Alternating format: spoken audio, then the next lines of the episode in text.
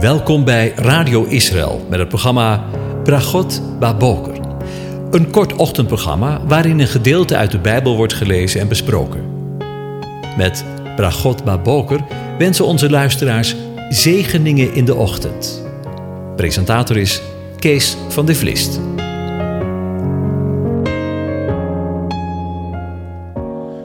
Goedemorgen, Bokatov, beste luisteraars. Vanmorgen gaan we weer verder met na te denken over Psalm 96.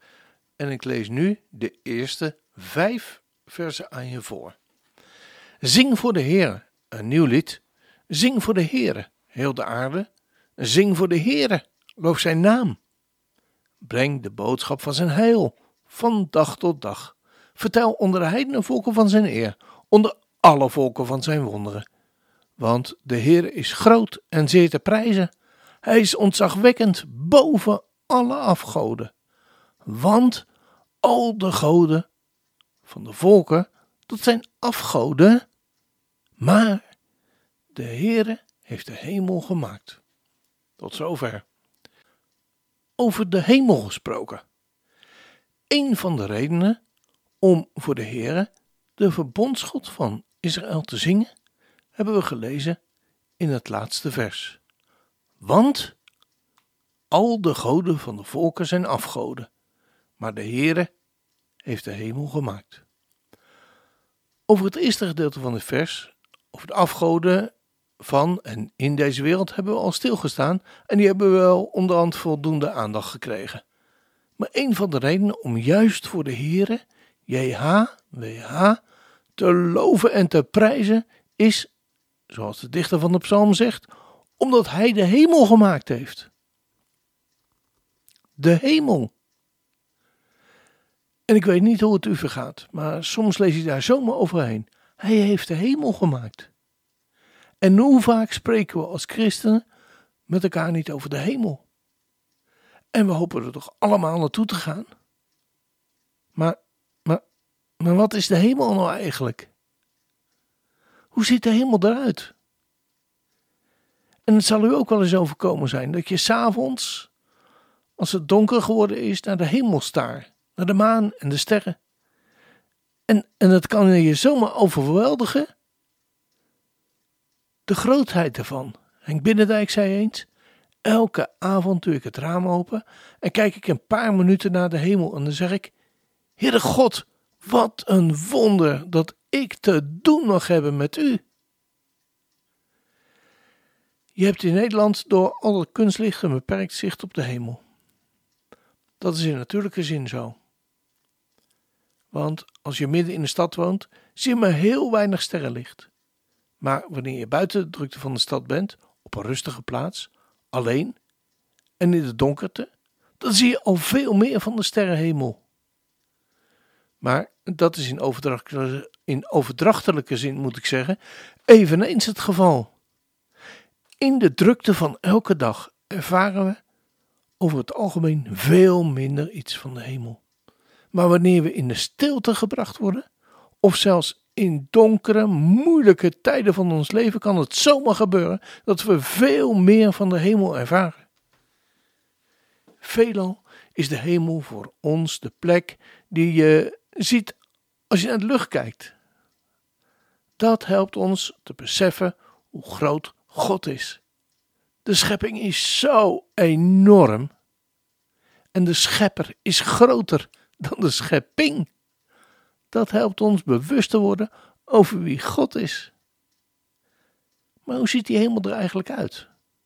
Misschien kunnen we er wel veel over vertellen, maar als we eerlijk zijn, blijft het misschien wel iets wat we nauwelijks kunnen definiëren en blijft het een mysterie. En tegelijkertijd blijkt er in de hemel maar liefst 700 keer gesproken te worden over de hemel. De hemel is veel meer dan een plaats. Waar praten we over als we het hebben over de hemel? Als we de Bijbel lezen, dan heeft de hemel iets van een plaats.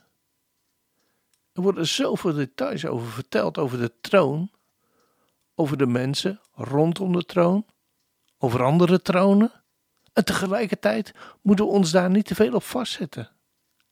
Want de hemel is veel meer dan een plaats. De hemel is tegelijkertijd overal.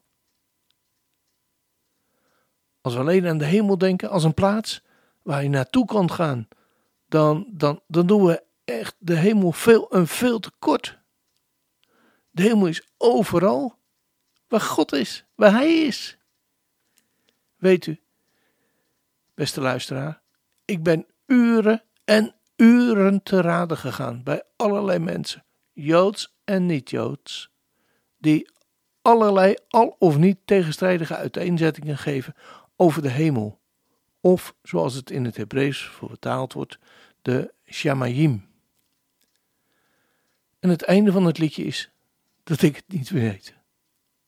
Voor mij betekent het dat de hemel zo boven alles verheven is en zo bovenmenselijk dat we het niet in menselijke woorden kunnen omvatten.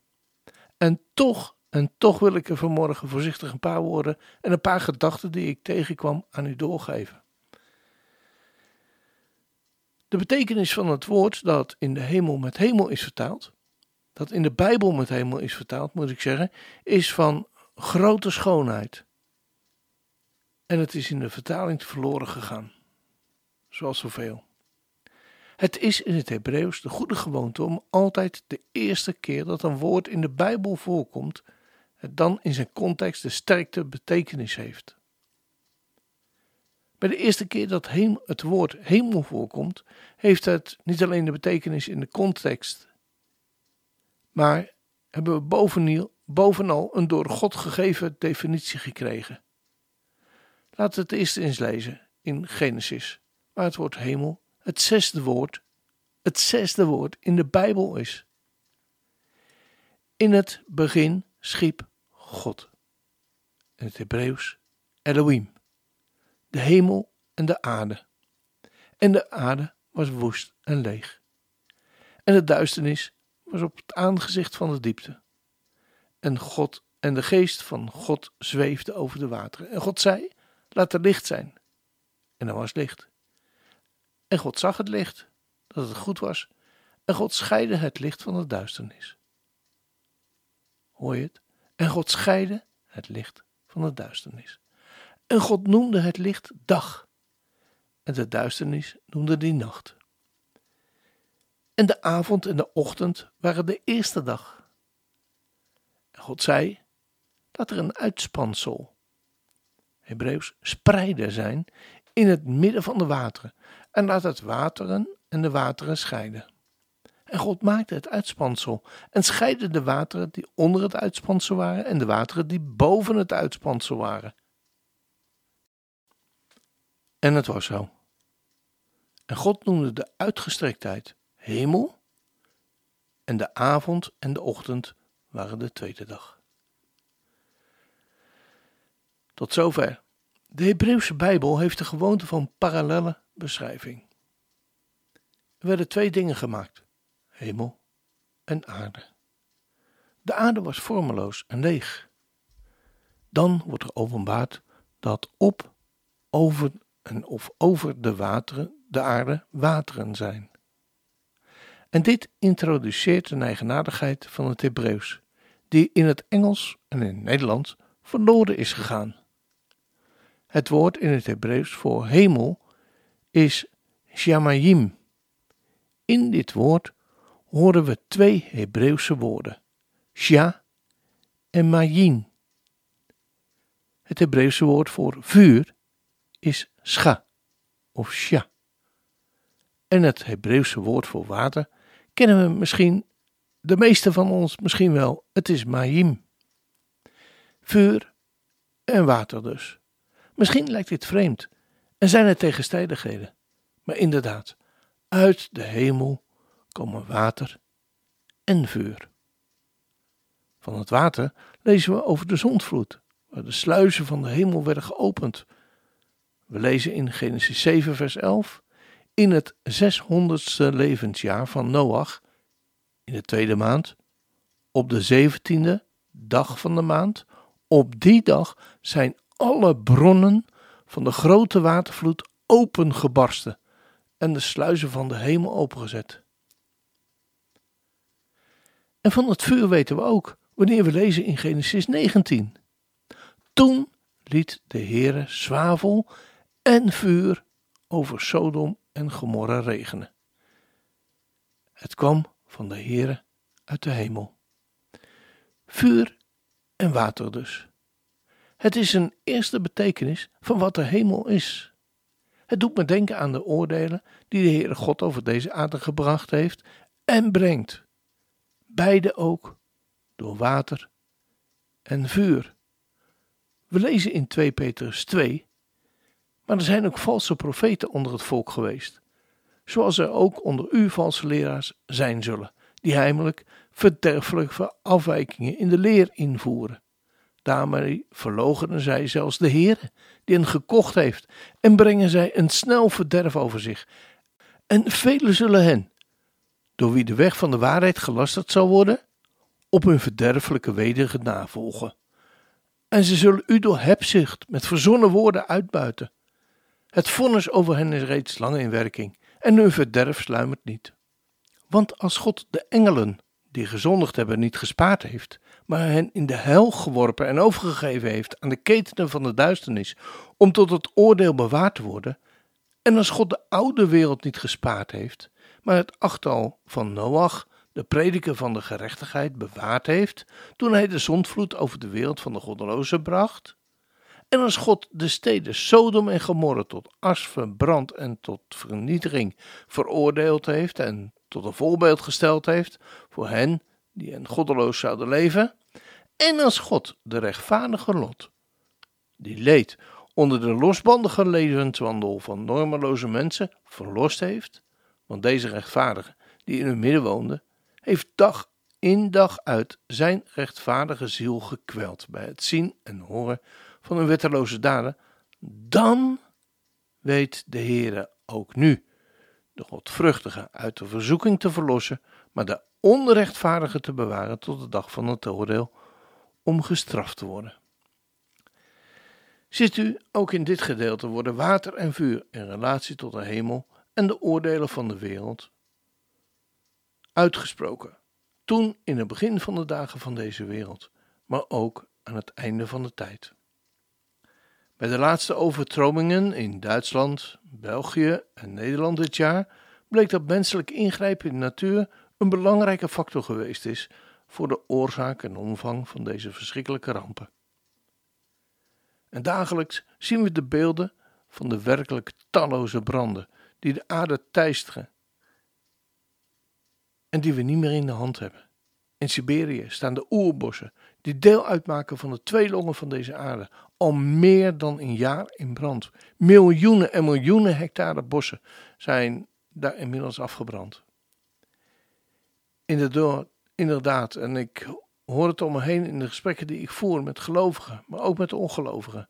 De aarde is in barensnood, waarmee de geboorte van een nieuwe hemel en de aarde, nieuwe aarde, nu al heel dichtbij gekomen is. Ik geloof het echt met helemaal mijn hart. De apostel vergelijkt het vergaan van deze aarde met de zondvloed in tijden van Noach.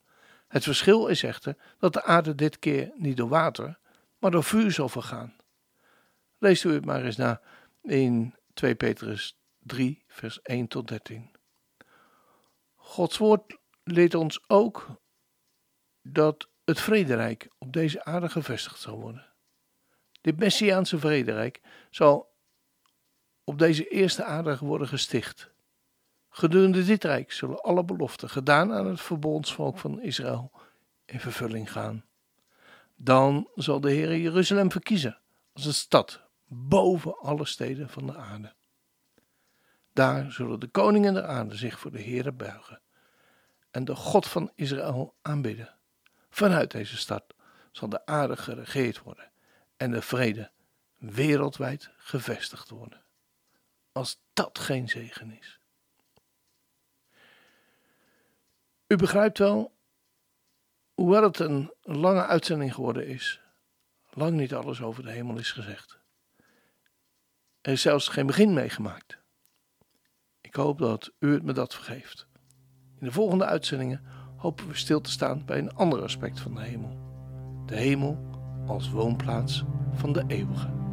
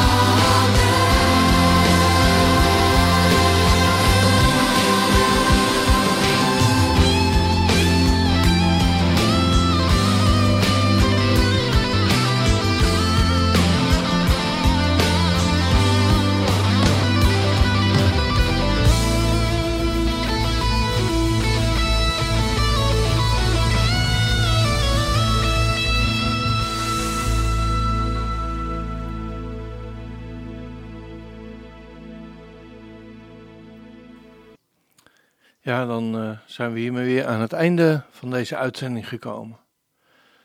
Ik weet niet hoe het met u is, maar uh, soms kan ik zo verlangen naar die dag. En dat is niet om uit de ellende te komen, maar om verlang naar de Heere God. En dat we zo in vrede zullen leven. Met Hem en met ons die ons lief zijn. Dan wens ik je God zegen toe voor vandaag en voor de rest van je leven. Proef en geniet de goedheid van de Heer. Gelukkig de mens die bij Hem schuilt, zegt de dichter van Psalm 34, vers 9. En ik wens je dat ook toe, vandaag en alle dagen van je leven.